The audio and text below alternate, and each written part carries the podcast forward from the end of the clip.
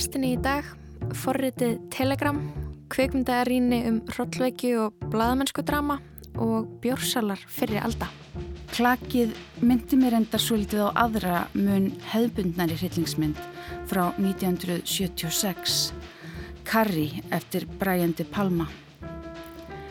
Þótt ég haldi mikið upp á Carrie, þá hefur það fyrir löngu orðið að klísju að gera kvennlíkamann óhugnarlegan í hrollveikjum. Salvatore Ferragamo-veski glæ nýtt virði 40.000 krónur. Skoða skipti á Oxy 80 mg og Rivo 2 mg. PM. Vantar HDMI snúru 101, amfetamin í bóði. Þarf öflugan teyser, meis eða góða fungerandi skambissu eða allt þrennt. Borga vel fyrir góða hluti. Af til byrtast enn frásagnir í dagbók löguraglu um einstaklinga sem rúnda um bæinn og skuttlag fóru tveggja fólki og bjór staðan á milli lungu eftir að áfengis og tópaksverslun ríkisinn skellir í lás. Og af fjölmiðla umfyllun að dæma hefur þetta verið við líði að minnstakosti frá árdugum íslenskra dagblaða. Ég heiti Lóa Björg Björnstóttir og þetta er lestinn miðugudaginn 30. november.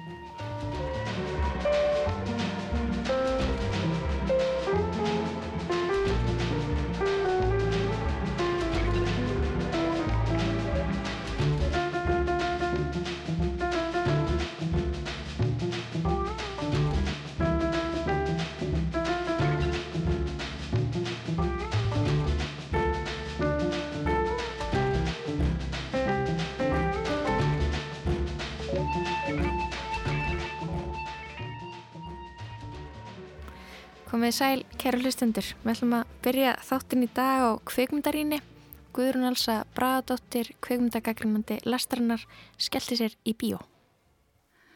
Í Písli dagsins mun ég fjalla um tvær afar ólíkar myndir sem síndar hafa verið í bíóhúsum Reykjavíkuborgar undanfærið.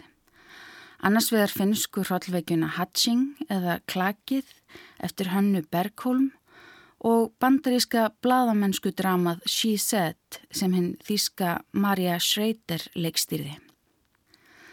Ég var ótrúlega þakklátt fyrir það að hafa vilst inn á það sem gæti hafa verið ein af síðustu síningunum á klakinu í Bíóparadís í síðustu viku. Mynd sem var frumsýnd á Sundance-háttíðinni í byrjun árs en ég hafði lítið sem ekkert heirt talað um. Myndin fangaði hugminn undir eins.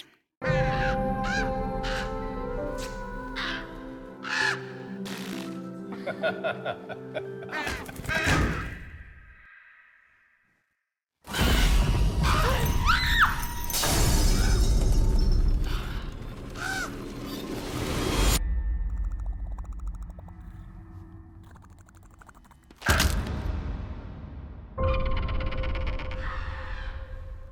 Í upphalsatriðinu sjáum við móður sem heldur úti eitthvað skona lífstílsbloggi eða videodagbók sem gefur fylgjendum hennar einsýn inn í líf hennar fullkomnu fjölskyldu. Hún tekur myndband af dóttur sinni að æfa sig fyrir fimmleikakeppni í óaðfinnanlegri stofu heimilisins. Áður en faðir og yngri bróðir bætast í hópin og brosa sínu blíðasta fyrir myndavelina. Um leið og hún hefur slögt á upptökunni flýgur svartur fuggl inn í stofuna sem svo óheppilega vill til að er full af brotættum munum og kemur sögusviðinu í uppnám. Fjölskyldan leggst öll á eitt í því að ná þessari skadræði skeppnu sem tekst að brjóta að þér virðist skuggalega marga vasa áður en dóttirinn fangar hana loksins í handklæði.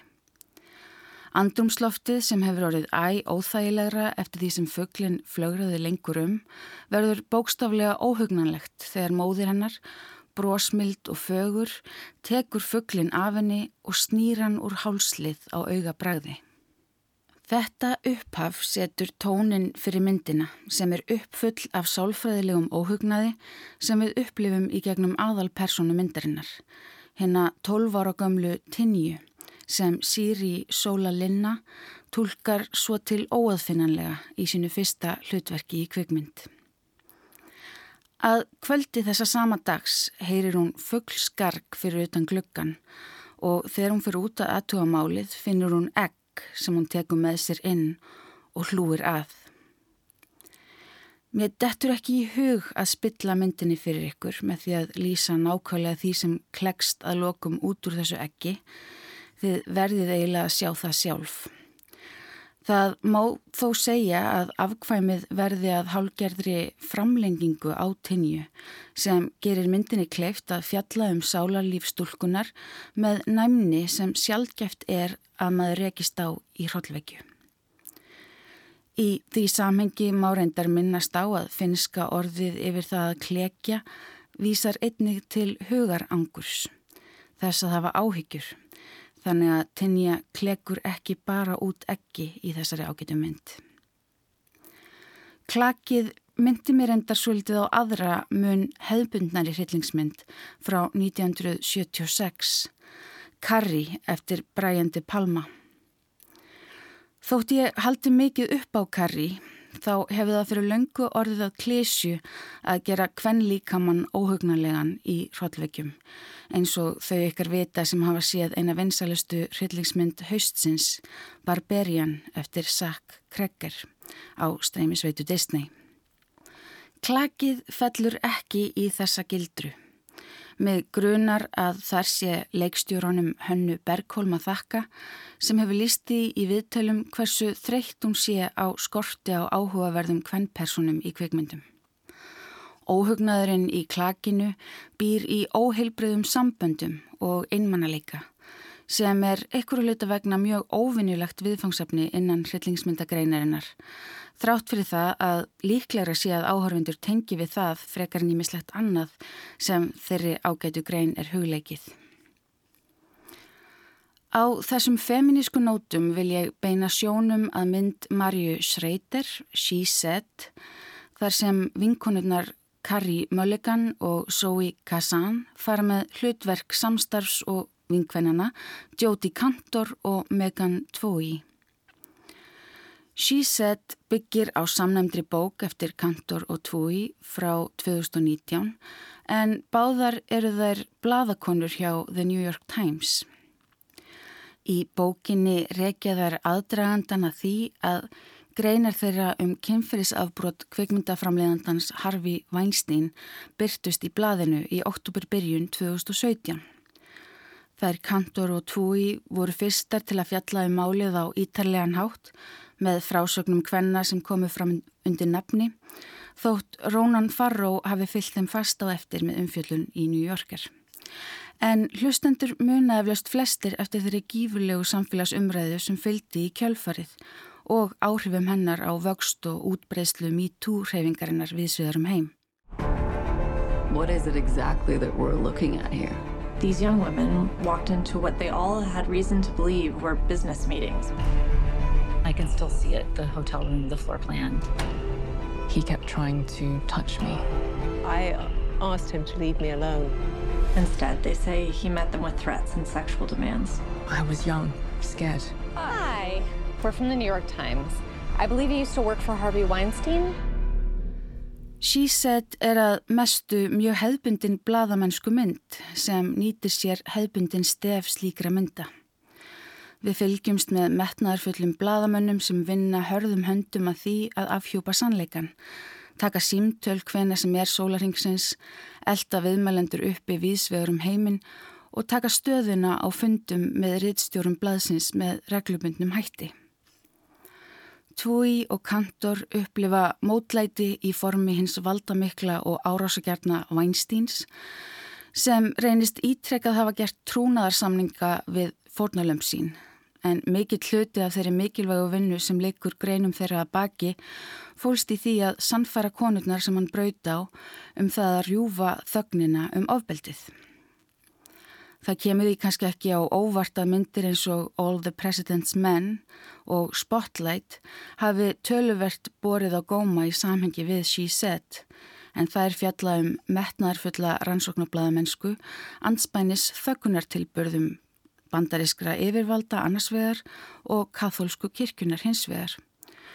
Og margir hafa velt vengum yfir því hvort mynd Marju Sreitir eigi vændum viðlíka velgengni á Óskarsvelununum og þessir forverðar hennar frá 1976 og 2015. Það sem greinir Said frá öðrum þekktum bladamannamyndum er eftir vill helst það að hún fjallar um konur. Bladakonurnar tvær og konurnar sem treystu þeim fyrir sögum sínum. Weinstein sjálfur er svo til alveg fjærverandi í myndinni. Við sjáum baksvip hans þegar hann mætir á fund í höfustöðvar New York Times á samt lágfræðingum sínum en annars heyrum við einungis rött hans í síma. Myndin dvelur líka meira við áhrif rannsóknarinnar á engalíf kantor og tvúi en hefðir fyrir í sambarilegum verkum. En það er eiga báðar maka og ungbörn sem þeim tekst misvel að búa til tíma fyrir í öllum hasarnum. Myndin gefur þannig raunsæri mynd af lífi rannsóknarblaðamanns sem getur ekki alltaf gefið sig rannsókninni á vald með alveg sama hætti og oft sést í slíku myndum.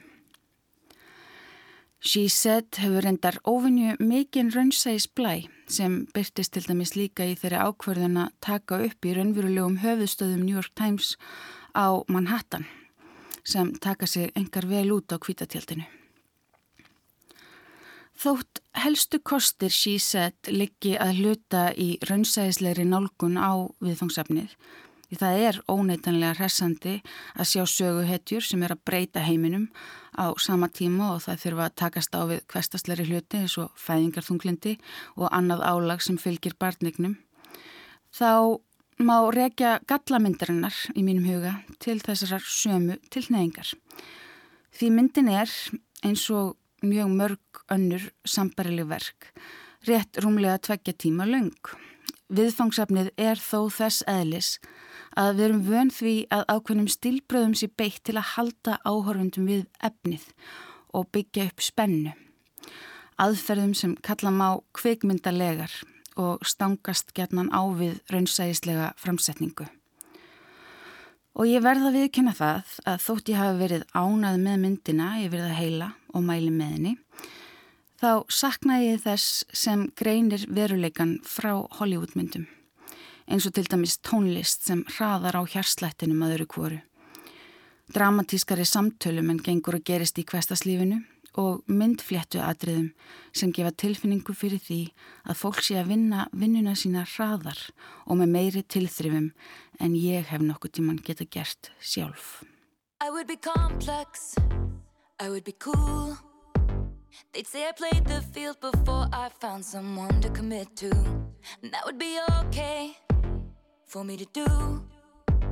Every conquest I had made would make me more of a boss to you. I'd be a fearless leader, I'd be an alpha type. When everyone believes ya, what's that like? I'm so sick of running as fast as I can. Wondering if I'd get there quicker if I was a man. And I'm so sick of them coming at me again. Cause if I was a man, I'd be the man. I'd be the man. I'd be the man. They say I hustled, put in the work. They wouldn't shake their heads and question how much of this I deserve. What I was wearing, if I was rude. Could I be separated from my good ideas and power moves. And they would toast to me, or let the players play. I'd be just like Leo in Saint Tropez. I'm so sick of running as fast as I can.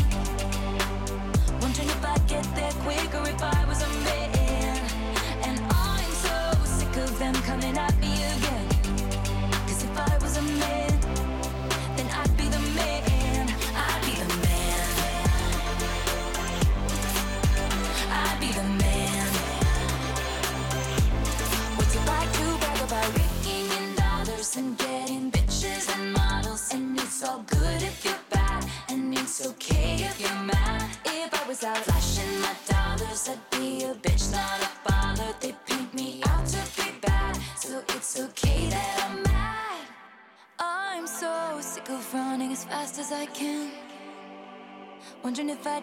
quick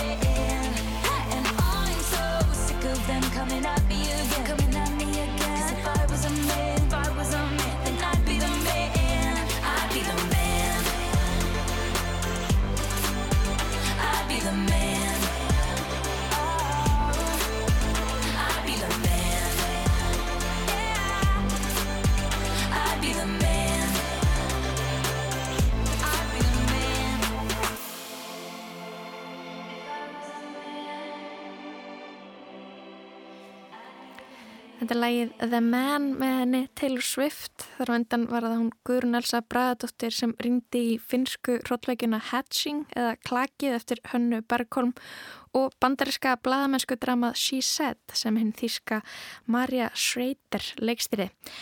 En næst ætlum við að taka upp snjálfsíman og opna forritið Telegram en ég ætla að fá að vara við því að í einslæginu sem við erum að fara að heyra verður berorð umræða um fíknefni og vopn.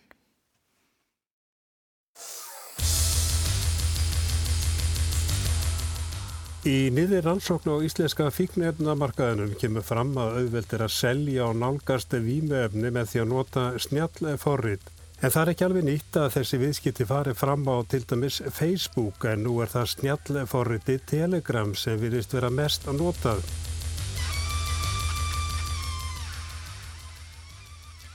Fyrir um það byrjum tveimur árum síðan stopnaði ég aðgang og skráði minn á Telegram í fyrsta skipti. Ég var forvitin um þetta forrit sem ég hafði hans heyrtum og vissi að vera aðalega notað í viðskiptum sem ég stundaði ekki sjálf. Forvitin minn kveiknaði af alvöru þegar ég heyrði kunninga minn, grafískan hönnuð, tala um að besta kopíið væri að finna á Telegram. En við komum að því aðeins betur á eftir hvað kopí er. Telegram er snjallforrit, samskiptamiðl eins og WhatsApp og Signal og þessi forrit eiga það sammeilegt að vera end-to-end -end encrypted, dullkóðið, sem þýðir að aðeins þeir sem senda og taka á móti skilabóðum geta nálgast þau, lesið þau. Engin annar, ekki eins og niður hakkarar. Engin getur lesið skilabóðin, bara þitt símtæki og símtæki þess sem þú sendir skilabóðin á geta afkóðaðu.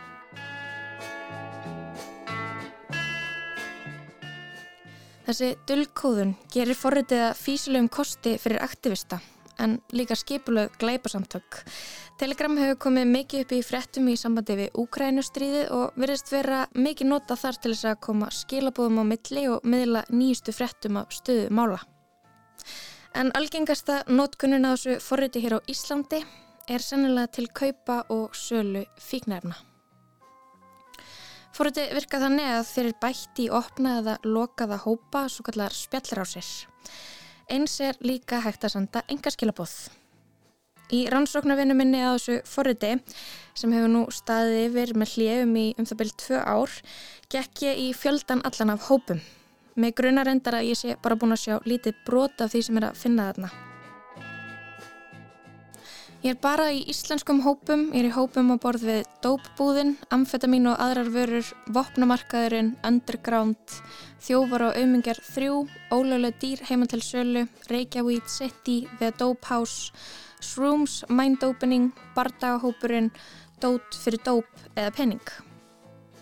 Nöfn spjallarásana eru ágætlega lýsandi fyrir það sem er rætt þar inni. Það eru flestar auðlisingatorg fyrir ólöguleg efni. Þar má lesa fjöldanallan af auðlýsingum þar sem áhrif efnana eru útlistuð verð, tilgreint og tekinn fram svo þjónusta sem er í bóði. Eðal vögvi sem þú vilt ekki missa af. Spice. Útsala, útsala. 100 millilítrar, 30.000. Frábær gæði sem svíkja engan. Meðhöndlað með hönskum 24-7, oftast á ferð, annars statur í breyðholti. Svara fljótt. Íslensk og heiðarleg afgreysla. Colombian kaviar, alvöru nammitýpa, ekkert kemmasull. Mælist 80% og hér færðu alltaf alvöru vöru. Gæðveikt í beis eða skot og alltaf alvöru kók. Ef þú ert ósátt eða ósáttur þá máttu skila. Þetta er bara góð þjónusta og hamingja og kóka. Á öðrum spjallarásum er verið að óska eftir ólulegum dýrum forvitin um skjaldböku veit einhver um? Vantar róttu PM. Eða vopnum. Þarf öflugan teyser, meis eða góða fungerandi skambissu eða allt þrent. Borga vel fyrir góða hluti. Eða einhverjum þægilegum og hendugum skiptidílum. Salvatore Ferragamo-veski glæ nýtt verði 40.000 krónur. Skoða skipti á Oxy 80 mg og Rivo 2 mg. PM. Vantar HDMI snúru 101, amfetamin í bóði. Vantar bong, spjaltölvu, myndavélar, vespu, sími í skiptum fyrir Mokadón, Lirika Ketogan eða Halsjón.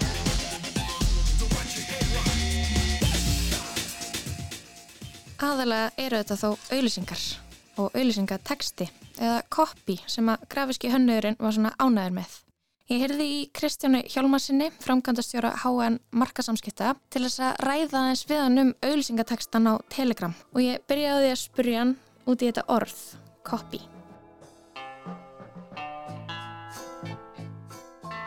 Copy er uh, bara ennska heitið yfir auglýsingateksta, teksta sem er svona notað til að skrifa við uh, auglýsingar. Uh, já, þú má kannski segja, veist, ef við höfum til dæmis um, um prentauglýsingar, og þá er þetta bara teksta sem kemur fyrir á prentauglýsingum, hann getur séð að skipst í einhver svona, einhverju undirflokka, fyrirsagnir, bröðteksta sem er þá kannski einhver svona útskýringateksti, undir fyrirsagnir og, og þess að það. Mhm. Hvað, hvað telst vera svona góður auðlýsingateksti? Hvað þarf gott copy að innihalda? Eh, það, sko, í mínum er það eitthvað sem er, sko, eitthvað sem er einfalt en um leið þar sem sköpunagáan fær að, að njóta sín og hann þarf að vera skiljanlegur og það fyrst og fremst þarf hann að vera skiljanlegur en það er ekki verið ef eitthvað hægt að leika sig með tungumál með eitthvað svona skemmtilega vekti. Uh, við erum til dæmis, vorum að gera herfer núna fyrir IKEA á Íslandi og þar var yfirskrift herferðar hvernig hljómar IKEA. Þar vorum við að leika okkur svolítið með uh, öll þessi vöruheiti í, í IKEA sem að byggja einhverjum sænskum nöfnum yfirleitt. Og já, flestir, eða svona mjög margir vit ekki hvernig það var að bera fram.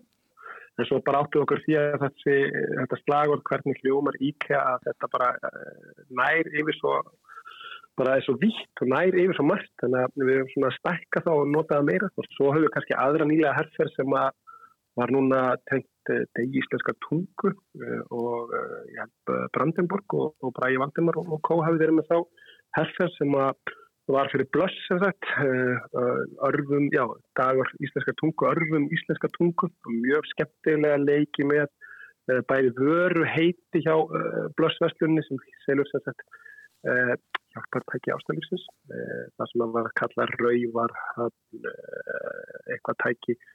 Og já, þetta bara átti rosalega vel við og mjög vel hefnaðu svona mjög vel hefna koppi með þeirri ölsingu um, um, Ég sendi nokkuð skjáskot af Telegram hvað komstu auga á? Hvernig greinir þú svona þennan texta myndur þú kalla þetta ölsingateksta? Já, ég bara, ég, sko, ég var bara svo, nú hef ég ekki hérna farið á Telegram áður en sá þessar myndir og ég bara var svo heitlaður af því hvað sköpulega gáði færa að njóta sína það er, ég finna, þannig að tala um það er bara að vera hérna, selja auðvuslega, hérna, og ekkert fara í felur með það, bara hérna eiturlið og ólögleg lið og einhvern veginn þá bara hvernig menn fara að þessu. Þetta eru svona, ég veit ekki hvað að segja þetta vakti frá bara margar og mikla tilfinningar hjá mér og ég dáðist að því hvað ég voru hvað þeir sem að setja penni eru í raun klárir í þessu. Uh, það er sko einhverja af það auglýsingar mittum svolítið á gamla auglýsingu frá Soho uh, solbastofunni sem að uh, var nú hérna mjög fræg áður fyrir þess að vera að tala um að það var ekkert verið að skafa utan um hlutunum bara drullið ykkur í ljós, þroskaheftar perur og eitthvað svoleiðis og voru mjög skrítin á orðnótu en það var hérna vakti miklu aðtíkli. Mm. Það eru sumar auðlýsingar bara inn á Telegram sem minna mér bara á það. Nú svo eru þessir seljendur ekkert, þeir eru alveg ófeimni við að segja, gefa upp símanúmerið sín, vettalega eitthvað svona hérna símkost sem er löggan og erfitt með rekja. En það minnum við bara á nýjustu auðlýsingarna frá fiskikongju, þar maður þylur mynd bara upp númerið sitt, eitthvað 777777 uh, og svo er þetta alveg yfir í einhvers konar ljóðarform og þeir eru rosalega döglegir við að nota alls konar emoji, svona lindistátt til þess að skreita hérna textan með þannig að það er ekki sko, mikil sko, samkeppni í, í meðal hérna eitthvað að sala við að svona, koma fram sínu bestu hérna, koma fram með svona, ég hvað að segja eh, áhugaverið stofu, ekki átækking og, og bara mm -hmm. íta sköpunagáni eins og ekki þetta ég er bara, ég er ángriðs bara mjög heillega sko, það er mjög merkilegt og skemmtilegt að sjá þetta. Já, ummitt, það er ekki kannski eins og maður myndi ímynda sér bara, herru, þetta er í bóðið að kosta þetta það er verið að reyna að selja vöruna, segja hvað Það er verið að selja algjörlega. Mm -hmm. disco, kók uh, hérna uh, já, þetta er svona dú, hérna dúnmjúkt og feitt efni, var einu auðlýsingin hérna mm þannig að þetta er svona, já, menn eru ekkert að þú veist, þetta er ekkert það er bara mikið lagt í þetta að finna svona einhvern veginn góða lýsingar á þessari, á þessari vöru og menn eru að dása þessar vöru út í eitt sko. Ef þú fengir svona... Eru, já, ef, já, fyrir ekki. Já, ef þú, ef þú fengir svona texta og borð hjá þér, um, mm -hmm. hvað, hérna, hvað myndur gera aðtöðsundu við? Hvað, hvað má bæta? Hvað má bæta? Mm. Já, góð spurning. Örgulega málfarstöndum.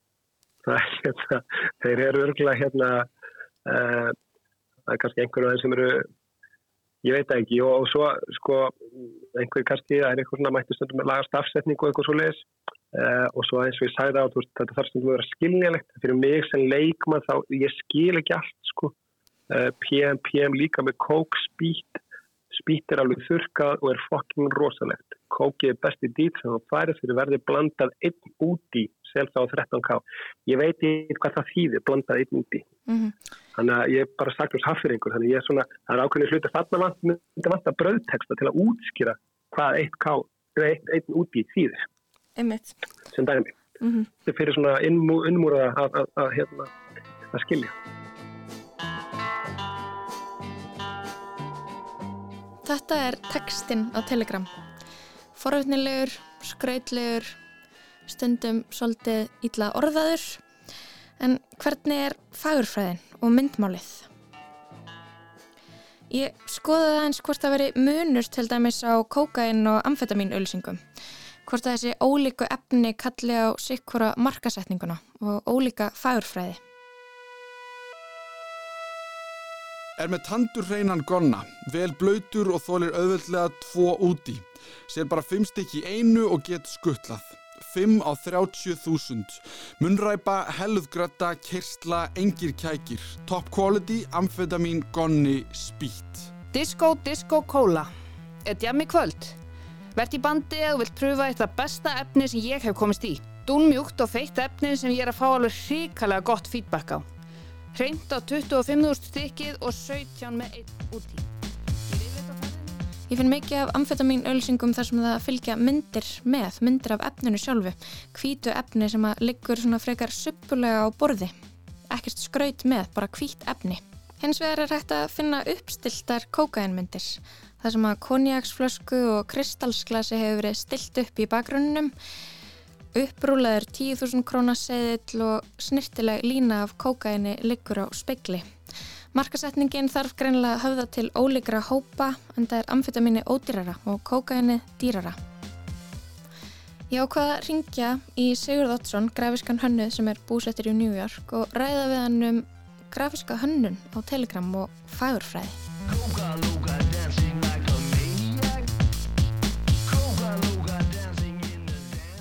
Nú er ég búin að senda þér nokkur skjáskot af, af Telegram Eh, gastu búið kennsla okkur svona heildstaða fagurfræði af því sem ég sendi þér? Sko, fyrsta sem, sem kom í hugun á mér var þetta var eins og svona, svona nútíma digital útgáð af einhvern svona beint frá bíli fagurfræði það sem, það sem svona uh, bara það að var hans sé uh, í fyrsta lagi raunveruleg og öðru lagi að hún sé svona ný og hérna og ekki, ekki, kom ekki frá einhver versmið, heldur komið frá einhver minnstaklingi eins og ég hérna, eins og ég var að lappa út frá Whole Foods svoleiðis vestlun, hún notar stjúra á efni eins og pappakassa efni og viðar efni svona gerfi viðar efni og svo séðan svona handskrifað og annars svoleiðis til að, að reyna að gefa í skina þetta sé komið byggt frá bíli eða byggt frá, eitthvað stutt frá í hérna, á þessum telegram heimi það er svona svipa, svipaði hlutir í ganginu og bara uh, þeir eru svona gerður öðru síðan því að þess að í stæðan fyrir alveg límneðar það er notað svona eins og, svona eins og Instagram story límneðar með letrjóna eða emoji. Og í stæðan fyrir viðartekstur það er kannski eitthvað svona bara eitthvað borð heima hjá einhverjum eða einhver plata eða speil og, og hérna handskrifa letri er, er handskrifa á skjá í stæðan fyrir með penna og hérna og svo er þetta einhvern veginn í, í bland við held ég svona testimonial uh, heiminn svona eins og svona fyrir hundra árum þá var einu leginn til að til að hérna, vita hvort eitthvað vara væri gæða vara, væri að, hérna, að skrifa á vöruna uh, þessi og þessi segir að þessi var þessi frábær. Og hérna uh, og, og, og með svona nokkur testimonial utan á vörunni sjálfu og sé bara hérna í gangi með, með textalýsingarna það er búin að fá rosalega hérna, viðbyrju frá þessu. Uh, þessi séu séu rosalega gott og eitthvað hannig mm -hmm. það, það er svona tett og tett sem ég held að sé það sem ég tók eftir. Það er líka eitthvað svona í þessu þetta er svo, svo kátíst það væri ekki hægt að uh, herma eftir þessu en ég held að maður gæti ekki svona uh, á trúverðulegan hátt búið til gerfi svona auðlisingu Veistu hvað ég við? Nei, nei, nokkulega, einmitt. Það, að, það, sem, það sem gerir þetta raunverulegt er að einmitt, þið passa að hérna, sína á myndum að þetta sé íslensk með því að hafa eins og þúsund grunna eða tíus grunna eða eitthvað skeiðil eða eins og ég sá krónukort á einni mynd og það er eitthvað svona hluti sem, sem látaði vera alveg vissin um þetta sé lokal. Einmitt. Um, myndur þú kalla þetta grafíska hönnun það sem er að gerast þarna á sem auðlýsingamöndum á Telegram? Sko skilgreðing og grafíska hönnun er samsetning myndar og texta. Þannig að þetta er klálega grafíska hönnun Er eitthvað sem að grafískir hönnur gætu lært og tilenga sér af uh, þessari, þessari auðlýsingagerð sem er að eiga sér stað á Telegram? Eitthvað sem ætti að vera meira af? Þetta er náttúrulega svipað og er í gangi í hérna, veist, í, það er til svona Facebook-grúpur sem er að selja orma og, og örglega líka þú veist einhverja sem er að selja bara gremmiti beint frá einhverju fólki út í sveit og það er í raunin lítið ekkert mjög ósvipa út sko, því að það er að nota þú veist bara nútíma tækni til að gera hluti sem hafa verið gerðið í þú veist hundruði ára að selja beint frá heima hjá sér með þau tól sem þau hafa. Svona fagfrætti við svona off the top of my head kannski svona, kannski svona kraftbrúur í eða hann, eitthvað svona nóga þeim til á Íslandi núna svona hérna kraftbjóra. Eitthvað svona aðeins að slaka á gerfi hérna pappírunum og veist, eitthvað svona gerfi textjúrunum eitthvað eins og sé prenta eitthvað svona einhverjum 200 orgumum velum og fara bara í eitthvað svona alveg digital útgáðana af því einhvern veginn. Já, það er einhvern veginn það var einhvern veginn ráleikinn og, og kæruleysið það, þarna já, það, það Já. vottar um eitthvað ákveðið í rauninni Já, nefnir Jú, jú, það vottar eitthvað nefnir bara nefnir þetta sé lítil framlýsla og þetta sé eitthvað nefnir alvöru mm -hmm. og, hérna, og það er eitthvað sem fólk hefur þetta áhuga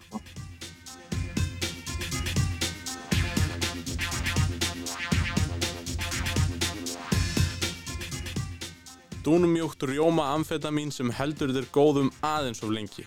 6K, Calvin Klein kúlur á 4K, drullu fínar, jafnvel æðislegar. Dr. J mætir með læti 18K. Djurs ves að fá almenleg vopn. Ef þú ert með eitthvað, sendu á mig. Ok, ok, ok, núna var að lenda það besta sem ég hef verið með mjög lengi. Alvöru gæði, selst í rock, ekkert endurstift kæftæði, hendar mjög vel í æð og í smók. Það er bara einfallega skilaréttur á þessu. Kókið er bara besti díl sem þú færið fyrir verðið, blandað einn úti, selða á 13.000 en þú finnur sko alveg vel fyrir því. Kanski er þetta það sem þú ert að leita af fyrir lítinn pening, rýfur vel í og heldur þér virkilega góðum án... Getur einhver selgt mér einn lítir af vodka?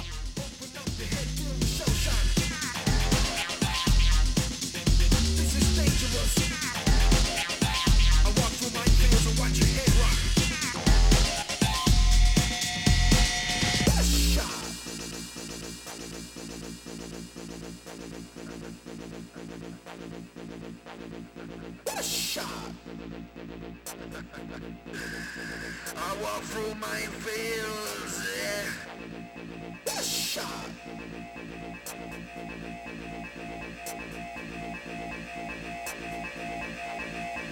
Shot.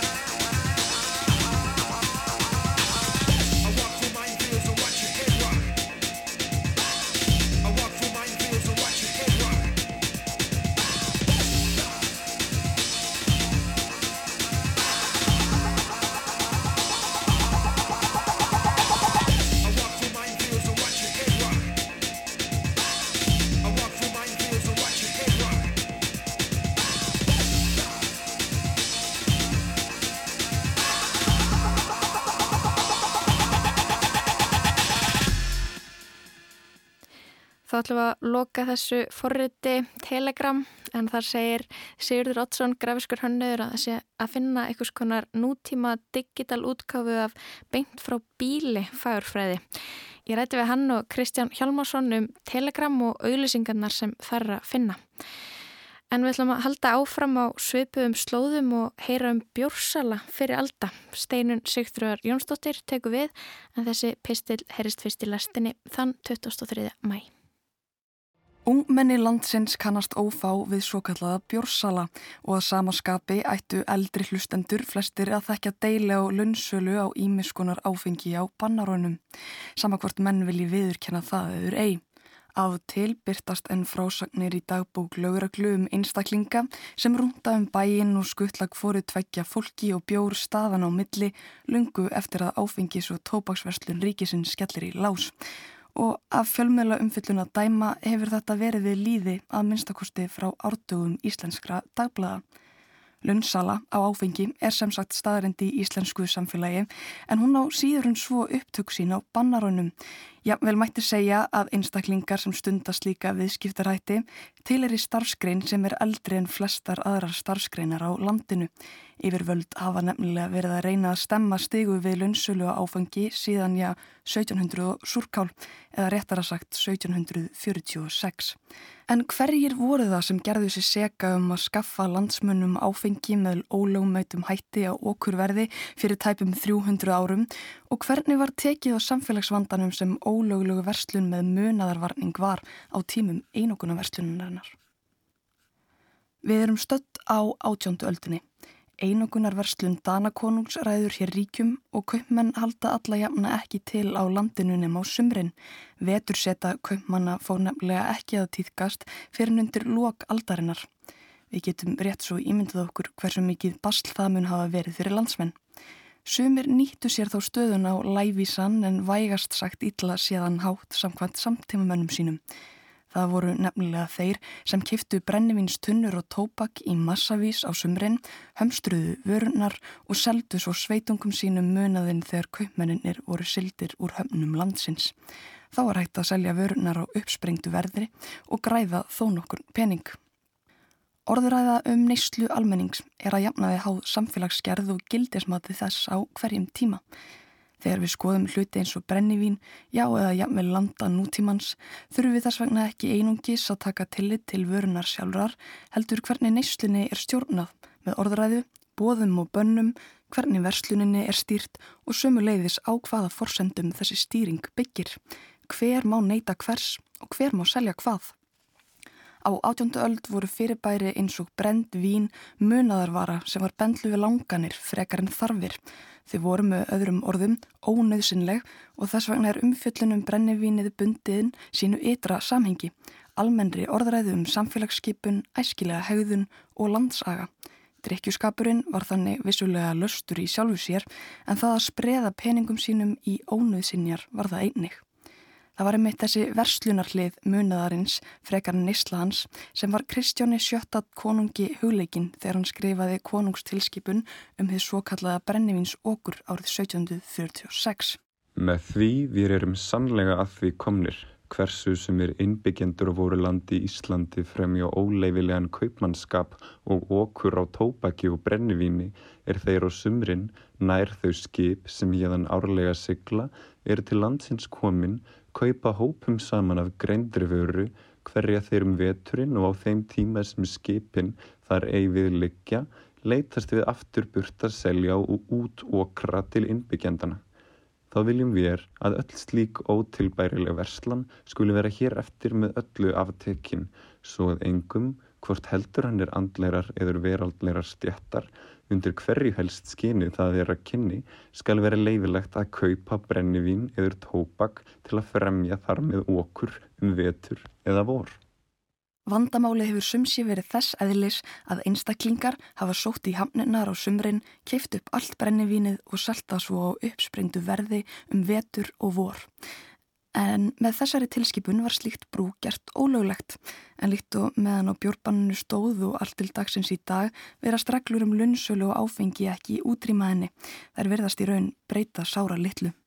konungur beindi spjótum sínum að öllum þeim sem okkur söluna stunduðu og ávarpaði bændur, jamt og embættismenn.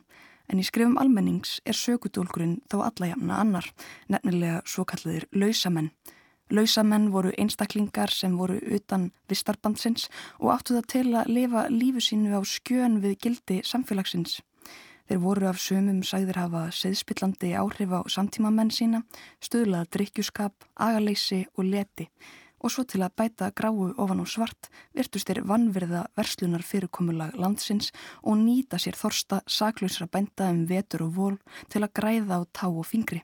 Hvort þeir hafi verið einur um lausa söluna er erfitt að segja tilum, þótt að sé nokkuð ólíklegt. Ef til vill hafa lausamennir einfallega verið þægilegur blórabökull fyrir aðra landsmenn sem ekki lifiðu á skjön við samfélagsgerðina. Við konumst kannski líka við þetta í samtíma okkar. Þessari okursölu og banni á henni var svo fyllt eftir, en þó frekar umlega Á vorþingum var lögð fram fyrirspurn til allra viðstatra hvort einhver hefði selt forbrótið gós. En svo vil til að alltaf þegar fyrirspurnin var boran upp þá var svar viðstatra nei. Hér hefur ekkert slíkt átt sér stað. En líkt og í umræðu samfélagsins í dag þá var ekki sama sem virki á millið þess að ákveðnir aðilar viðurkenni ekki vandamál og þess að það sé ekki til. Það var jú víða kvartað undan þessari meintu okursölu í tímareitum persónulegum heimildum, í brefum til embættismanna og sömuleiðis er vandamálið ávarpað í fyrirnemdu konungsbrefi. Ef til vil varpar bref Einars nokkurs Magnússonar til landsnemndarinn fyrri bestu ljósi á stöðuna.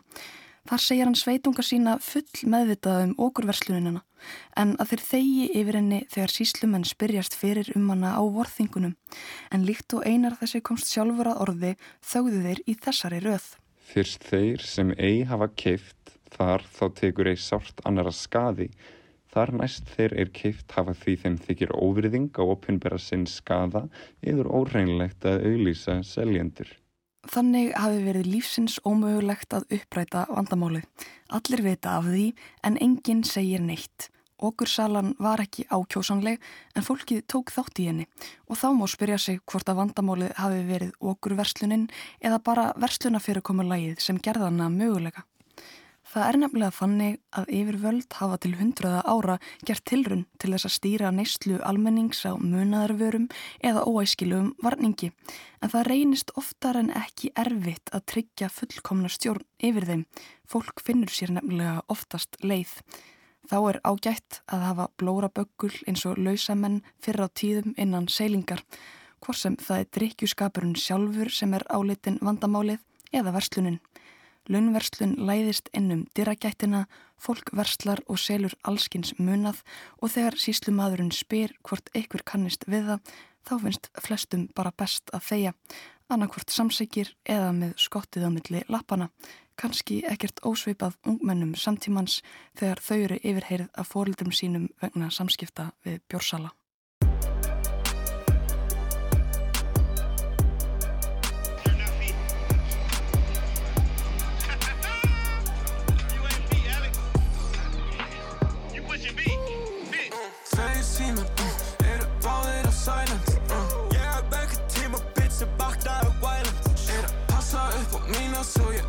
Vaktaði svælið Alltaf allt að gera styrum, alltaf í lægi Þú að bjöf, við að bjöf Hún veit bara djöf Veit hún er á eftir okkur, hvað sem að við fyrir Þessar bitches tingdar, ég er bara að horfa fyrir Hvað sem að við fyrir, pókin okkar kemur með. Ekki sirka, sirka. Þessi x-lætu með virka, virka Ekki snitcha, snitcha. Tólvæn kemur, þarf að tippa Ekki vera að trefla mig þegar ég er að vikta, vikta Jó, förstu þessa bitches búin að missa Vissa, hundi mín er fróðsinn Ég get ekkert sofið. Ég og Eisi alltaf all-in Efni og hann í sokkin Ég veit alveg þú vilt vera ég Tala bak við mig, veist ekkert hver ég er. Þeir síman eru báðir á silent mína svo ég vaktaði svæðið. Alltaf allt að gera styrum, alltaf í lagi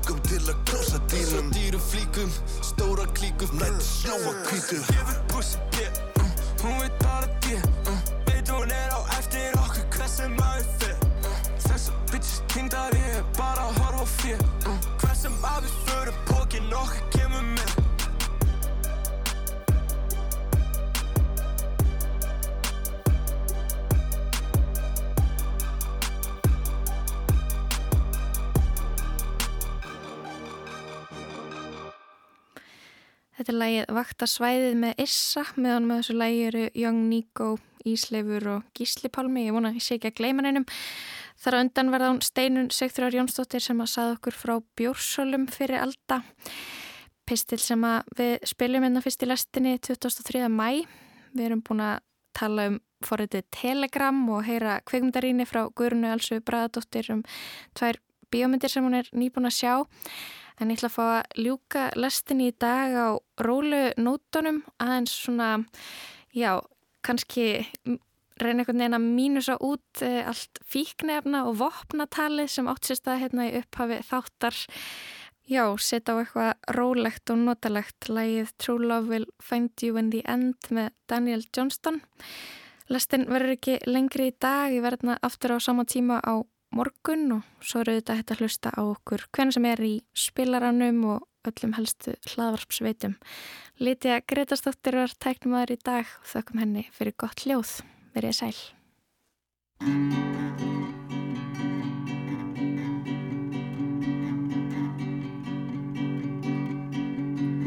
True love will find you